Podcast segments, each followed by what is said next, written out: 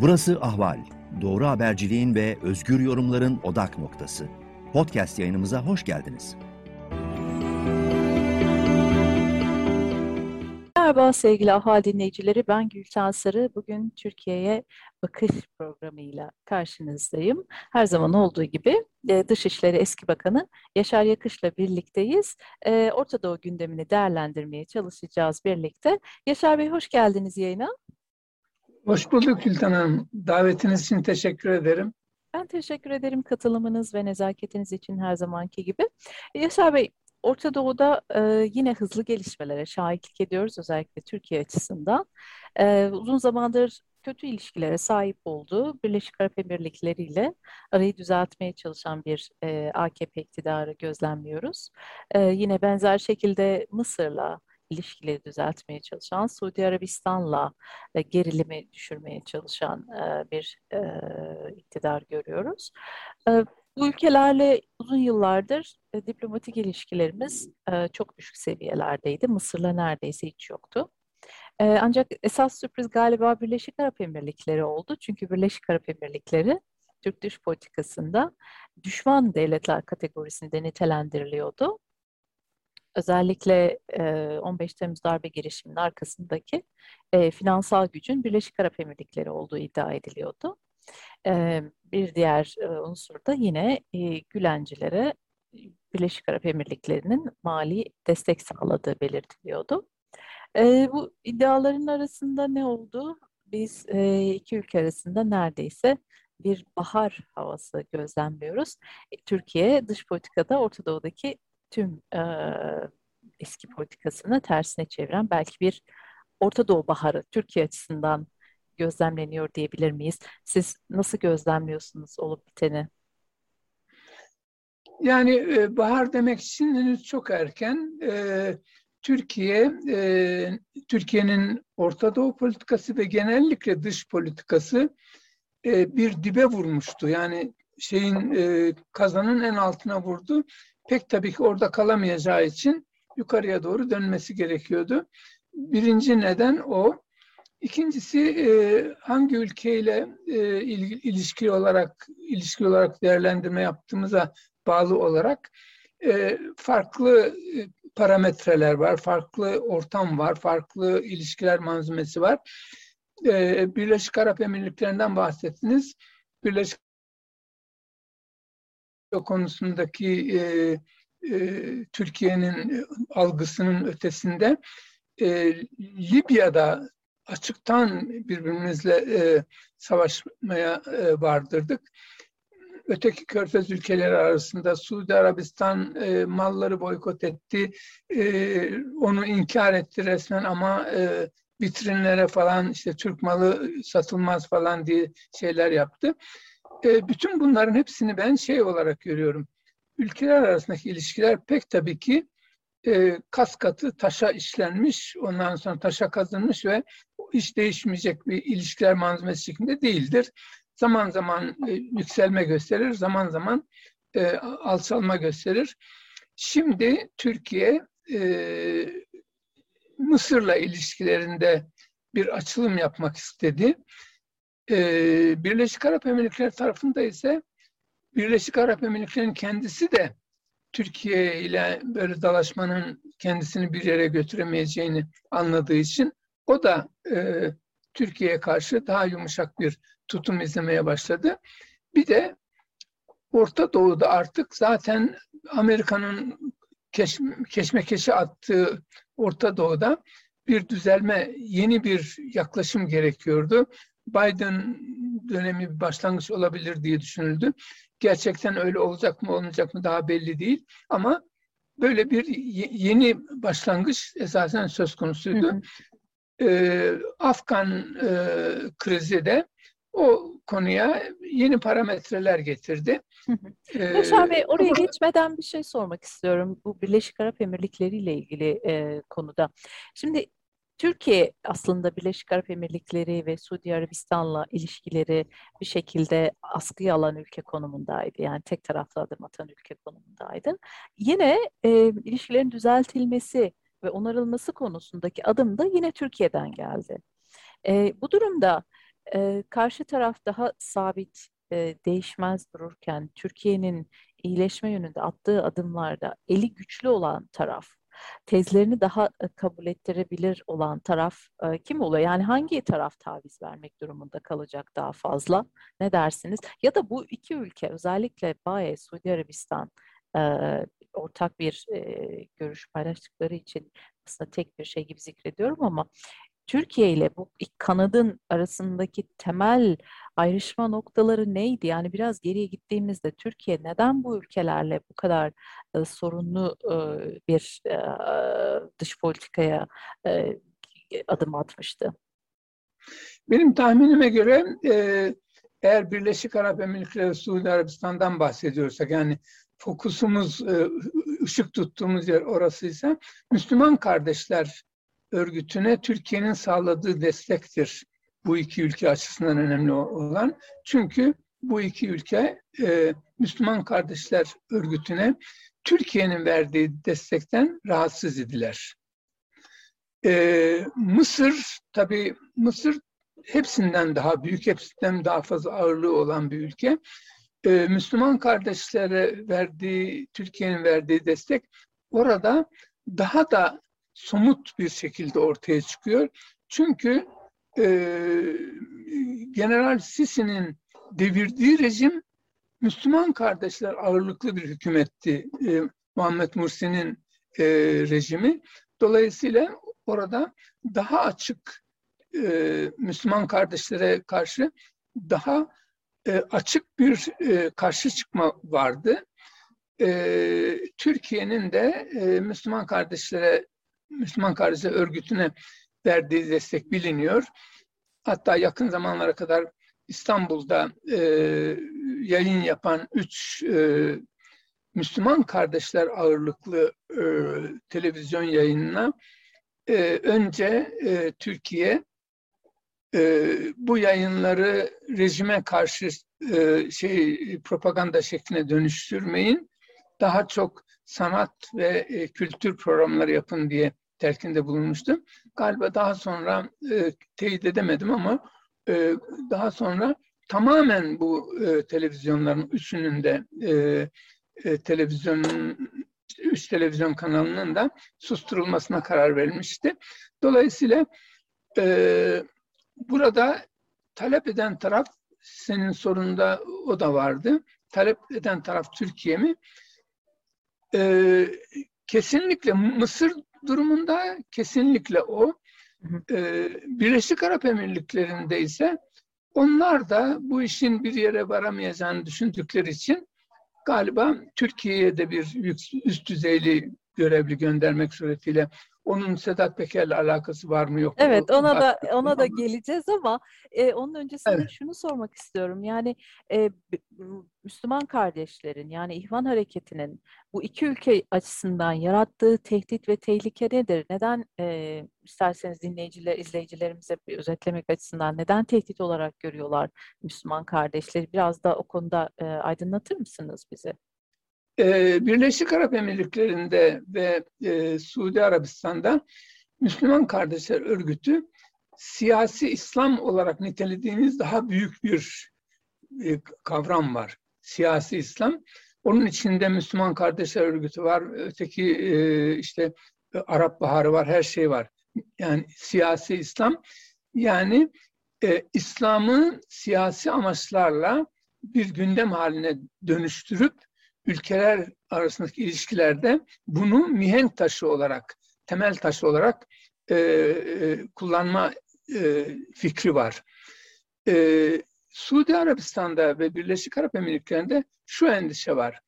Eğer bu Müslüman kardeşler hareketi siyasi bir hareket haline dönüşür de, daha doğrusu siyasi e, hareket vasfı daha da ağır basarsa bizim ülkelerimizde yani bizim ülkelerimiz dediğim Suudi Arabistan'da ve Birleşik e, Arap Emirlikleri'nde şimdiki tahtı işgal edenlerin rahatsız olacağını düşünüyorlar. Yani Suudi Arabistan'da bir Müslüman kardeşler hareketinin e, iktidara geldiğini düşünün. O zaman pek tabii ki şimdiki yönetim her iki ülkede de etkisini e, kaybedecektir. Orada onlar için bir e, yaşamsal mesele bu. Yani Müslüman Kardeşler Örgütü'nün daha doğrusu siyasi İslam'ın o ülkelerde etkili hale gelmesi ve o ülkelerin dışında da başka ülkelerde etkili hale gelip de o ülkeleri e, etki altına almasından endişe ediyorlar. e, benim kanaatimce bu iki ülkede ve Mısır'da da tabii e, Müslüman kardeşlerden endişe edilmesinin nedeni budur. Peki Yaşar Bey birazcık da e, Katar meselesine de gelelim isterseniz. Orada Türkiye'nin tutumu tek bir e, Arap ülkesini, Körfez ülkesini seçerek bütün e, kartlarını Katar'a oynaması ne kadar doğruydu ama onun öncesinde şunu da sormak istiyorum. Birleşik Arap Emirlikleri ABD inisiyatifiyle e, geçen yıl Ağustos ayında e, İsrail ile bir anlaşma yaptı. E, ilişkileri normalleştirme kararı aldı. E, Türkiye bu duruma çok e, büyük tepki göstermişti. Dışişleri Bakanlığı'nın e, açıklamasından kısa bir bölümü hatırlatalım izleyicilerimize. Tam olarak şunu demişti. Filistin davasına ihanet eden Birleşik Arap Emirlikleri'nin riyakar davranışını bölge halklarının vicdanı asla affetmeyecektir. Ölü doğan bir anlaşma hiçbir geçerliliği yoktur. ABD plan üzerinden gizli saplar yapmaya çalışan Arap Emirlikleri Filistin iradesinde yok saymaktadır. Şimdi e, bu kadar e, sert bir e, açıklama da var aynı zamanda. Türkiye, e, Körfez ülkelerinin İsrail ile ilişkileri normalleştirmesinden neden bu kadar e, büyük rahatsızlık duyuyor? Buna ilişkin ne dersiniz? Ardından da bu tüm kartların e, Katar'a oynanması Türkiye tarafından meselesine gelelim isterseniz. Galiba iki nedeni var ama her şeyden önce bir en başında belirttiğin, şimdi de e, bir nebze dolaylı şekilde değindiğim bir hususa e, işaret etmek istiyorum. Türkiye ne Suudi Arabistan'la ne Birleşik Arap Emirlikleri ile diplomatik ilişkilerini kesmedi. Büyükelçi düzeyinde kaldı hep. Yani Mısır'dan farklı olarak. Mısır'da evet. yine diplomatik ilişkileri kesmedi ama e, Büyükelçi düzeyinden maslahat güzel e, düzeyine indirdi Mısır'la. Dolayısıyla e, ilişkilerin kesilmesi diye bir şey mevzu olmadı. Bu e, senin ima ettiğin, açıkça söylemeden ama ima ettiğin bir şeye biraz açıklık getirmek için söylüyorum. Hı hı. E, şeye e, neden e, Türkiye karşı çıktı? Bir kere Türkiye'nin karşı çıkmasının izahı zor. Çünkü kendisi Birleşik Arap Emirlikleri ile büyükelçi düzeyinde e, ilişkilerini sürdürüyor. Ama bir üçüncü ülkenin ben Birleşik Arap Emirlikleri ve Suudi Arabistan'la büyükelçi düzeyinde ilişkileri sürdürür ama üçüncü ülke olarak İsrail sen e, o ülkelerle ilişki kuramazsın e, demesinin bir mantığı yok. Yani sen o zaman önce kendin kes ki e, ötekilere örnek ol. Böyle bir e, şey var. E, e, Türkiye'nin davranışında e, bir bir çelişki var neden yapıyor e, diyeceksiniz. Hı hı, evet. Öyle zan e, öyle zannediyorum ki İsrail'in e, izole edilmesi Türkiye'nin e, bir politikası. Yani kendisi İsrail ile ilişki kurarken, kendisi Birleşik Arap Emirlikleri ile ve Suudi Arabistan'da ilişki kurarken İsrail'i izole etmek bir, bir çelişkidir. Onu yapmaması lazım ama anladığım kadarıyla İsrail'in öteki Arap ülkeleriyle e, daha yakınlaşıp e, barışıp diyelim isterseniz e, İsrail'in en fazla endişe ettiği Hamas'ın ve Türkiye'nin de desteklediği Hamas'ın e, daha fazla bastırılmasından endişe ediyor e, Türkiye. Çünkü Türkiye Hamas'ın en güçlü e, kurucularından ve destekçilerinden biridir. Böyle komplike fakat anlaşılması zor, izahı zor, yapılması doğru olmayan bir mantığa dayanıyor Türkiye'nin e, davranışı. Peki Yaşar Bey, Katar meselesine geleceğiz ama peki o zaman şu burada şu soru ortaya çıkmıyor mu? Türkiye kendi tırnak içerisinde teröristlerinin başka ülkeler tarafından desteklenmesini e, desteklenmesine karşı çıkıyor ve izole edilmesini istiyor. Ama başkasının terör örgütü olarak gördüğü gruplara da e, ev sahipliği yapıyor e, kol kanat geliyor. Yani yine burada bir dış politikada çelişki yok mu? Var. Zaten e, şimdi e, Libya ile ilişkilere sonradan gelecek miyiz bilmiyorum ama e, e, Mısır e, Libya'da iki tane hükümet var. Bir tanesi e, Trablusgarp'taki Ulusal Mutabakat Hükümeti, öbürü de Tobruk'taki Ulusal Meclis Hükümeti. E, Türkiye, Müslüman kardeşler ağırlıklı olan e, Trablusgarp'taki hükümeti destekliyor. Şimdi e, Müslüman Kardeşler Örgütü'nün Mısır'ın zihninde ne anlama geldiğini anlamak için bir şey e, örnek vermek lazım. Türkiye için PKK neyse Mısır için de Müslüman kardeşler o. Hatta biraz daha ilerisini söyleyeceğim. Belki daha önce de e, bunu dile getirmişimdir. E, Mısır'da e, Sisi rejimi Müslüman kardeşler ağırlık bir hükümeti devirmek suretiyle iktidara gelmiştir. Halbuki Türkiye'de biz PKK hükümetini falan devirmiş değiliz. Haşa böyle bir şey zaten olmadı. Ama yani ikisinin arasındaki farkı göstermek için söylüyorum. Ee, Türkiye için PKK neyse Mısır için Müslüman kardeşler odur derken Müslüman kardeşler Mısır için Türkiye'nin PKK'yı gördüğü tehlikeden daha büyük bir tehlike olarak hı hı. görüyor. İsrail'de Bütün, Hamas aynı şekilde. Hamas'ı da aynı şekilde öyle görüyor. E, dolayısıyla e, orada Türkiye'nin e, kendisine reva gördüğü, kendisinin e, işte nasıl muamele yaptığını hepimizin bildiği bir kuruluşa başka bir ülkenin farklı şekilde muamele yapmasına karşı çıkıyor demektir. Yani Türkiye PKK'ya karşı haklı bir mücadele yürütüyor. Mısır'ın da devirdiği Müslüman kardeşler rejimine bu şekilde davranmasını onu haklı göstermek çok zor. Peki Katar mevzusuna gelelim. Yani biz son yıllarda Katar emirinin sık sık Türkiye'ye gelip gittiğini, işte Kanal İstanbul güzergahı üzerinden e, ailenin, e, kraliyeti ailesinin arsalar satın aldığını e, biliyoruz. Katar'ın yatırımları oldu, Türk Telekom'da vesaire.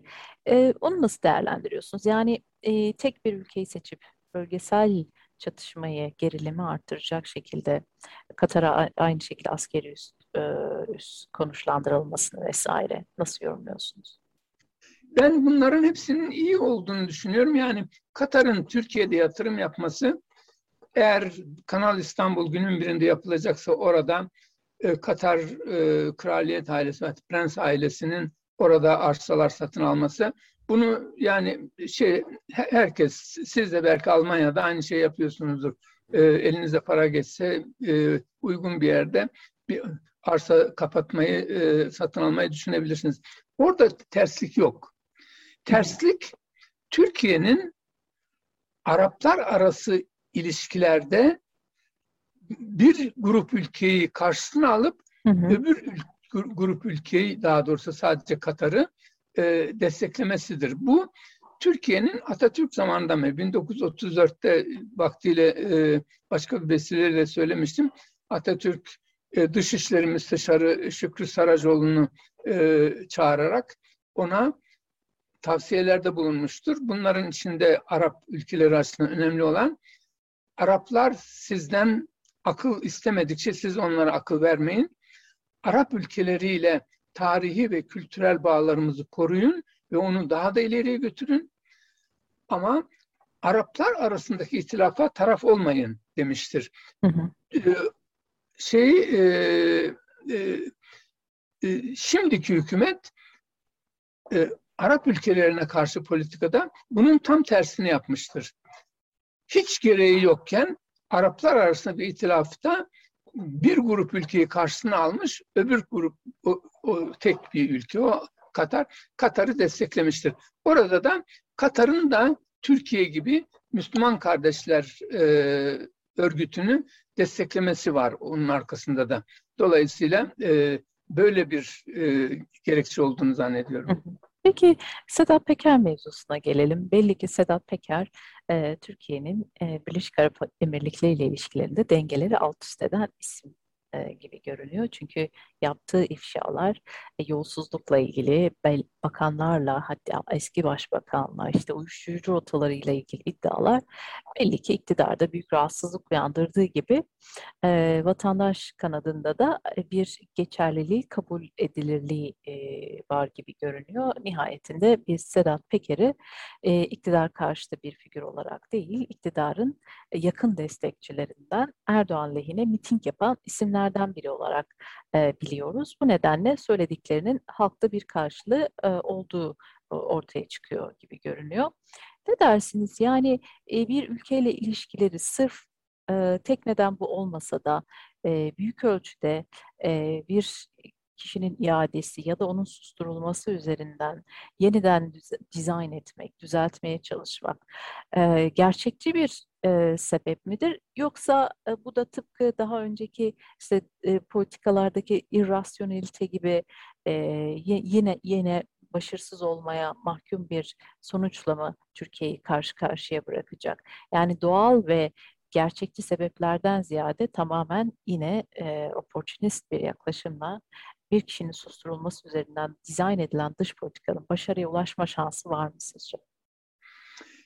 Yani e, Sayın Bülent Arınç, e, Cumhurbaşkanı'nın e, yakın, en yakın üç kişiden biriydi.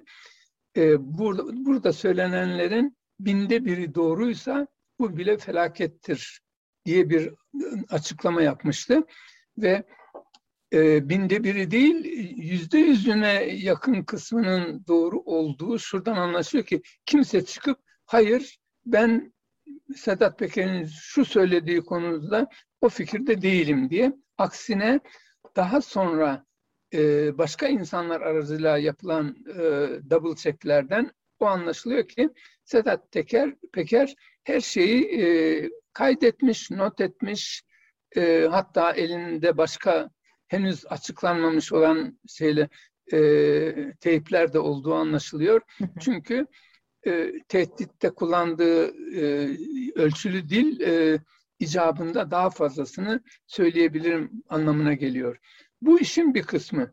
Peki bunun üzerine Türk hükümetinin harekete geçmesi doğru mudur? Evet, devletler e, kendi çıkarları e, mevzu olduğu zaman e, başka bir ülkede kendisinin aleyhine e, faaliyet gösteren bir insanı Türkiye'ye getirmek için çaba sarf edebilir. Türkiye onu yapıyor. Öyle zannediyorum.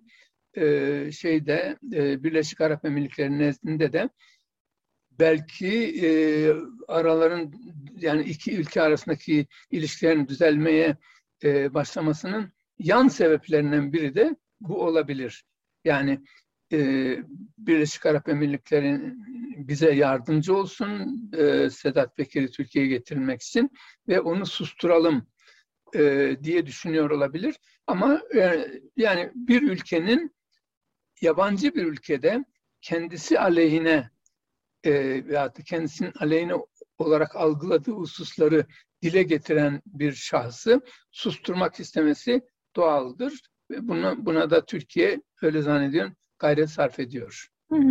Peki e, e, biraz da Birleşik Arap Emirlikleri'nin Türkiye karşıtı faaliyetlerine bakıldığında Türkiye'yi endişelendirecek ya da endişelendiren bir durum var mıydı? Mesela Birleşik Arap Emirlikleri Suriye'de Kürtlere destek vermeye çalıştı mı ya da sahiden Gülencilere e, mali destek sağladı mı ya da 15 Temmuz darbesinin arkasındaki finansal güç olarak suçlanıyordu.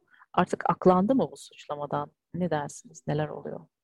Sanmıyorum ama en başta söylediğim bir şey vardı. Ülkeler arasındaki ilişkiler böyle kas katı e, 50 sene önce nasıl idiyse bugün de aynı de, devam eder diye bir şey yok. E, ülkeler arasındaki ilişkiler e, günün koşullarına göre evrim gösterir. Türkiye ile Yunanistan 1922'de e, bir ölüm kalım savaşı yaptılar.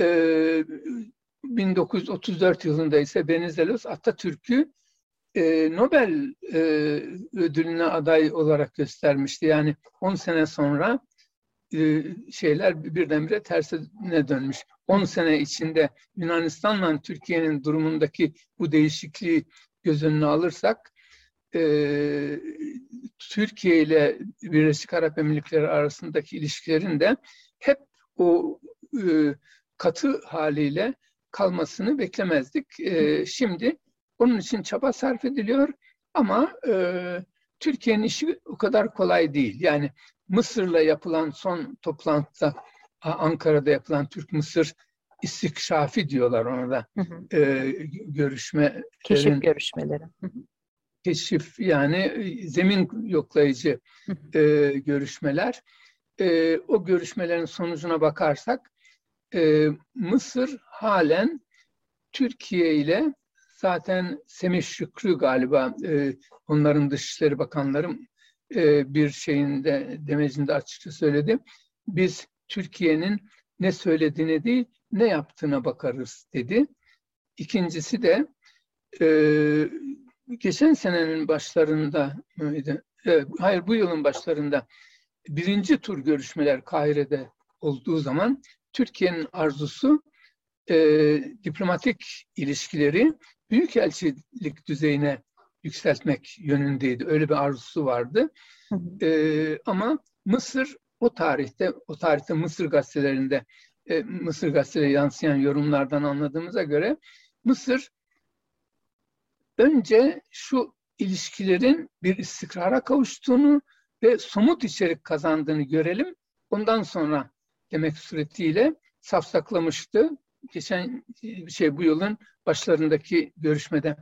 Şimdi geçen hafta yapılan e, ikinci görüşmede ise yine büyükelçiler düzeyi, daha doğrusu ilişkilerin büyükelçiler düzeyine yükseltilmesi konusu hiçbir şey yansımadığına göre elimizdeki e, yapılan açıklamada böyle bir şey görünmediğine göre e, Mısır halen e, Türkiye ile ilişkilerin e, büyükelçi düzeyine yükseltilmesinden yana değil, ayrıca e, ilişkilerin bir istikrara kavuşması ve somut içerik kazanması koşulunun gerçekleşmesini bekliyor. Ee, şey, benim önümde şimdi şey var, e, geçen hafta yapılan açıklamanın e, metni var. Orada bir şey dikkatimi çekti. Diyor ki e, taraflar ele alınan konularda ilerleme sağlanmasına ve ilişkilerin normalleştirilmesini teminen ilave adımlar atılmasına ilişkin arzularını teyit etmişlerdi. İlave arzularına demek diplomatik dilde şimdiye kadar yapılanlar bizi tatmin ediyor, et, etmiyor demektir. Yani tatmin etmeyen taraf, e, tatmin olmayan taraf da Mısır olduğu kesin tabii. Yani Sesiniz bu, ta- kesin. bu tabloya bakınca aslında taviz vermek zorunda olan taraf e, ve beklenti içinde olan taraf da yine Mısır, Birleşik Arap Emirlikleri gibi e, görünüyor. E, Reuters e, kısa bir süre önce bir haber yayınladı. Dubai merkezli kargo şirketi Aramex'in MNG kargonun e, hisselerini almak için harekete geçtiğini, e, Türkiye'nin de aslında e, Peker karşılığında Birleşik Arap Emirlikleri'ne ülkede yatırım fırsatı ve hatta belli yerlerde işte toprak satılması gibi e, tekliflerde bulunduğu belirtilmişti. Yani dış politikada e, bu tür pazarlıklar normal midir? Yine aynı noktaya geleceğim. Burada eli güçlü olan taraf Türkiye midir? Yoksa e, karşı taraf mı? E, ne dersiniz? Yani Peker neden bu kadar değerli? E, Peker'in e, itirafları pek tabii ki çok önemli. Çünkü çok somut olduğu anlaşılıyor. Yer, mekan veriyor ve içinde kendisinin olduğunu söylüyor. Yani ben filancıdan duydum falan demiyor. Ben gittim diyor. Bana diyor filancıyı öldürmek için talimat vermişler. Kardeşimi gönderdim diyor Kıbrıs'a o gazeteciyi öldürmek için falan. Yani çok somut ve sonradan kimsenin de hayır öyle olmamıştır, aslı şöyledir dediği vaki olmadı şimdiye kadar. Dolayısıyla bütün e, söylediklerinin itiraflarının e, somut e, olduğu kanaatindeyim ben. Peki ülkeler arasında asıl sorun oydu senin. E, ülkeler arasında böyle şeyler olur mu? Pek tabii ki her ülke kendisi aleyhine olan bir ortamı e, yatıştırmak için, susturmak için, o insanı geri ça- çağırmak için elinden gelen her şeyi yapar. Onu da yapacaktır. Burada eli güçlü olan taraf kimdir e, sorusunu da belki şey yapmak lazım. Türkiye şu sıralarda belki bir 10-12 yıldır e, ama çok katı, katı olarak da 2011 seçimlerinden sonraki dönemde e, uluslararası e, sıralamadaki ve hatta e, önem sırasındaki yeri hızla geriye düşmüş bir ülkedir. İnsan hakları e, konusunda, dem demokrasinin işleyişi konusunda, temel hak ve hürriyetler konusunda her konuda e, bir, bir gerileme oldu. Dolayısıyla Türkiye'nin böyle bir sıkıntısı var. Birleşik Arap Emirlikleri zengin bir ülke. Her şeyi parayla yaptırabilen bir ülke. Onun için Birleşik Arap Emirlikleri'nin e, uğrayacağı zarar Türkiye ile e, Birleşik Arap Emirlikleri arasındaki ilişkilerden uğrayacağı zarar ona daha az zarar verir. Bize daha fazla zarar verir. Çünkü ticaretimiz orada Dubai ile birçok işlerimizi Dubai ile yapıyoruz. Yani orada bir kısıtlamaya gitse oradaki ticareti Türkiye aleyhine bozacak bir e, yöne sapsa bundan Türkiye zarar görür. Dolayısıyla ben Birleşik Arap Emirlikleri ile Türkiye arasındaki ilişkilerin bozuk olmasından daha fazla zarar görecek olan tarafın Türkiye olduğu kanaatindeyim. Bir de Türkiye zaten izole olmuşken bir de ona Birleşik Arap Emirlikleri'nin ve onun dümen suyundan gidecek olan başka ülkelerin de eklenmesinin e, Türkiye'ye zarar vereceği düşüncesindeyim. Peki Yaşar Bey, e, Orta Doğu'daki e, bu politika değişimini birazcık masaya yatırdık. Peki Afganistan'ın, Afganistan'daki son durumun bu tabloda, bu değişimde herhangi bir rolü olabilir mi? Türkiye e, burada da yine önemli bir rol oynayan ülke olarak e, görülmek istiyor. E, ne dersiniz? Orada durumlar nasıl? Yani Türkiye bir e, yalpa mı sayılır veya tereddütlü durum mu veyahut da şartların yarattığı bir zor durum mu nasıl niteleyeceğiz onu e, kolay kestiremiyorum ama e, önce e, Türkiye Kabil hava alanının korumasını e, sağlamaya talip oldu. Kime karşı koruyacaktı? Taliban'a karşı koruyacaktı değil mi? Taliban'dır çünkü e, tehdit edebilecek olan. Bunu Amerika nezdindeki, Türkiye'nin Amerika nezdindeki itibarını biraz daha ileriye götürüp ben sizin işinizde kolaylaştıracak bir ülkeyim izlenimi Amerika'ya vermek için yaptı. Ama işler tersine dönüp de Taliban e, Kabil havaalanında dahil e, Afganistan'ın tamamını ele geçirince bu sefer Türkiye vaktiyle Taliban'a karşı koruyacağı havaalanını şimdi ben koruyayım diyor. Taliban da dedi ki çok teşekkür ederim ama biz koruruz kendi havaalanımızı. Sizin korumanıza gerek yoktur şeklinde bir cevap verdi. Dolayısıyla Türkiye'nin Amerika'ya yaranmak için yapmak istediği o havaalanı koruma meselesi e, bir çeşit yattı o iş kaldı. Şimdi havaalanı işletilmesi konusunda acaba bir şey yapabilir mi Türkiye? Çünkü havaalanının işletilmesi teknik bir iş. Yani e, şey kontrol kulesinin şeyinden yemek servislerine bilet kesilmesinden bilmem kadar e, uçaklara insanları taşımak e, otobüsle falan taşıma işinden bir, bir komplike bir iş. Taliban'ın bu alanda deneyimi sınırlıdır. Türkiye şimdi bu işe bu işle ilgileniyor. Orada da asıl işi yürüten galiba Amerika ile Katar. Fakat e, Katar e, Türkiye gibi bir ülkenin yetişmiş elemanları sayesinde bunu yapmanın daha kolay olacağını bildiği için o Türkiye'yi de devrede tutuyor. Böylelikle Katar ve Amerika Türkiye'yi de işin içine katmak suretiyle e, havaalanının e, işletilmesini, kontrolün değil, işletilmesini yapmak üzere müzakereler halen devam ediyor. Türkiye bazı koşulların yerine e, gelmesini istiyor. Ama şimdi bütün bunların dışında daha geniş bir e, perspektifte bakıldığı zaman e, Türkiye'nin Afgan halkına, Türk halkıyla Afgan halkı arasında 100 yıldan beri cereyan eden yakın ilişkiler nedeniyle e, Afganistan'da bir şey yapılabilecekse onu en iyi yapabilecek olan ülke Türkiye'dir. Çünkü ta Atatürk zamanında oraya yapılan teknik yardım var, e, oraya yerleşmiş bir e, Türk teknik yardım mekanizması işliyor ve deneyimden de geçmiş yani Türkiye'nin kendi çıkarları için değil Afgan halkı için bunu yapmakta olduğunu ortaya koyan e, birçok işaretler var. Afgan halkı da bunun farkında. Bunun için e, e, Taliban da Türkiye ile ilgili beyanda bulunurken biz Türkiye ile dost bir halkız. Türkiye'nin pek tabii ki oynayacağı büyük roller vardır demek suretiyle o tarihi olarak Türk halkı ile Afgan halkı arasındaki o dostluğa işaret ediyor ve nitekim de e, Afganistan'da bir şey yapılabilecekse onu en iyi Türkiye yapabilir.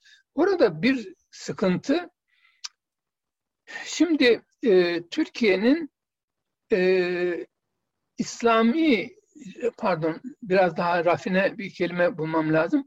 Sünni Hanefi İslamlık konusunda Taliban'ın düşüncesine çok yakın. Hatta Sayın Cumhurbaşkanımız da bu e, Taliban'la e, birçok alanda buluşabileceğimizi, ortak iş yapabileceğimizi kendisi de beyan etti.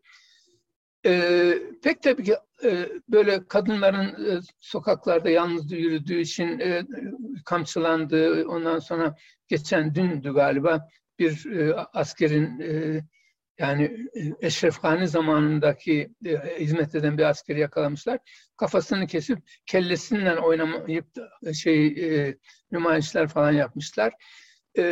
Böyle işlerin yapıldığı bir ülke ile Türkiye işbirliği yaparsa Türkiye'nin imajına da e, pek tabii ki e, halel gelecektir. Onu da göz önünde bulundurmak lazım. Yani en iyi yapabilecek olan ülke Türkiye'dir ama Türkiye'nin e, ideolojikten arındırılmış bir hı hı, yaklaşım gerekiyor belki. Taliban'la ortak yönü e, tutucu bir Sünni Hanefi evet.